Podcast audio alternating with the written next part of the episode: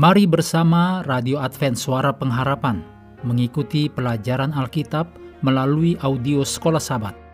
Pendengar yang dikasihi Tuhan, di momen 10 hari berdoa 2024, Anda dapat menyampaikan permohonan doa dan juga mengikuti program ini di channel AWR Indonesia. Ikuti informasi lengkapnya di akhir pelajaran ini. Selanjutnya, kita masuk untuk pelajaran Selasa 9 Januari. Judulnya Mazmur Keputusasaan. Mari kita mulai dengan doa singkat yang didasarkan dari Lukas 21 ayat 36. Berjaga-jagalah senantiasa sambil berdoa. Amin.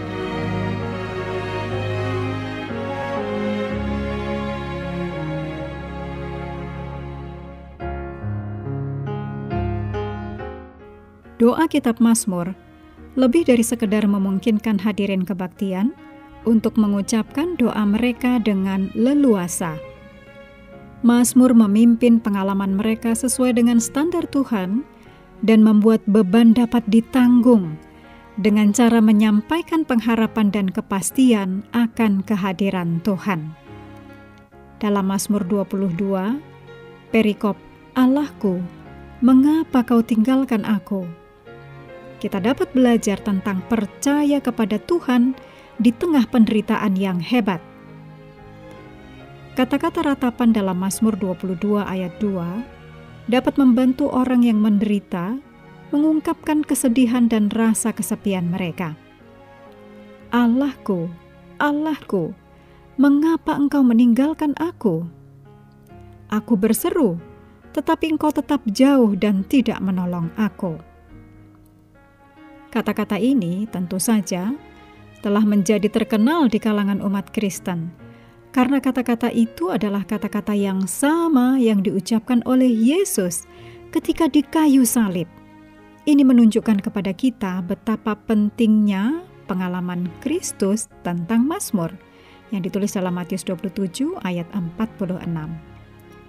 Namun, bahkan di tengah penderitaan dan pencobaan, kata-kata ini juga diungkapkan dalam Mazmur 22 ayat 23.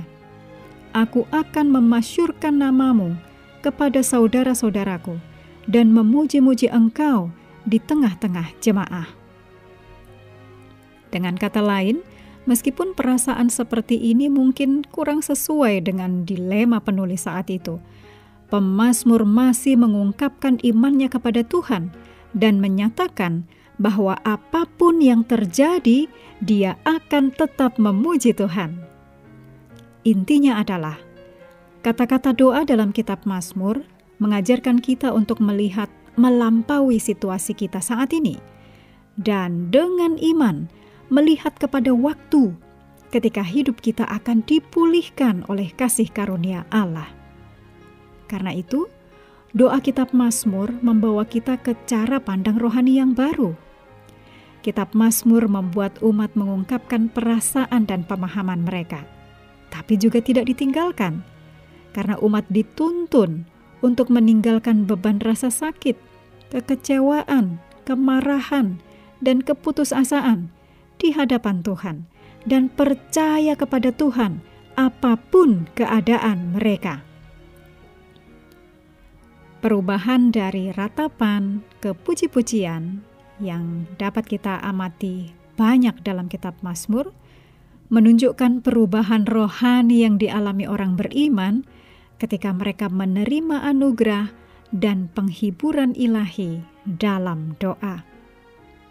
Kita dapat belajar untuk melihat melampaui pencobaan kita, dan dengan demikian percaya pada kebaikan Tuhan, apa pun yang kita hadapi sekarang.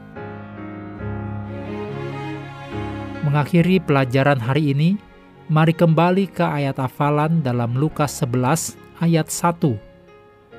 Pada suatu kali, Yesus sedang berdoa di salah satu tempat.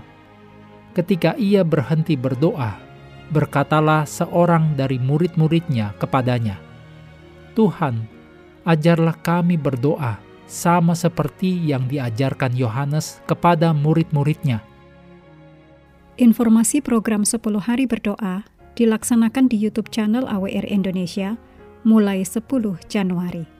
Untuk menyampaikan permohonan doa, silahkan kontak 0821 1061 1595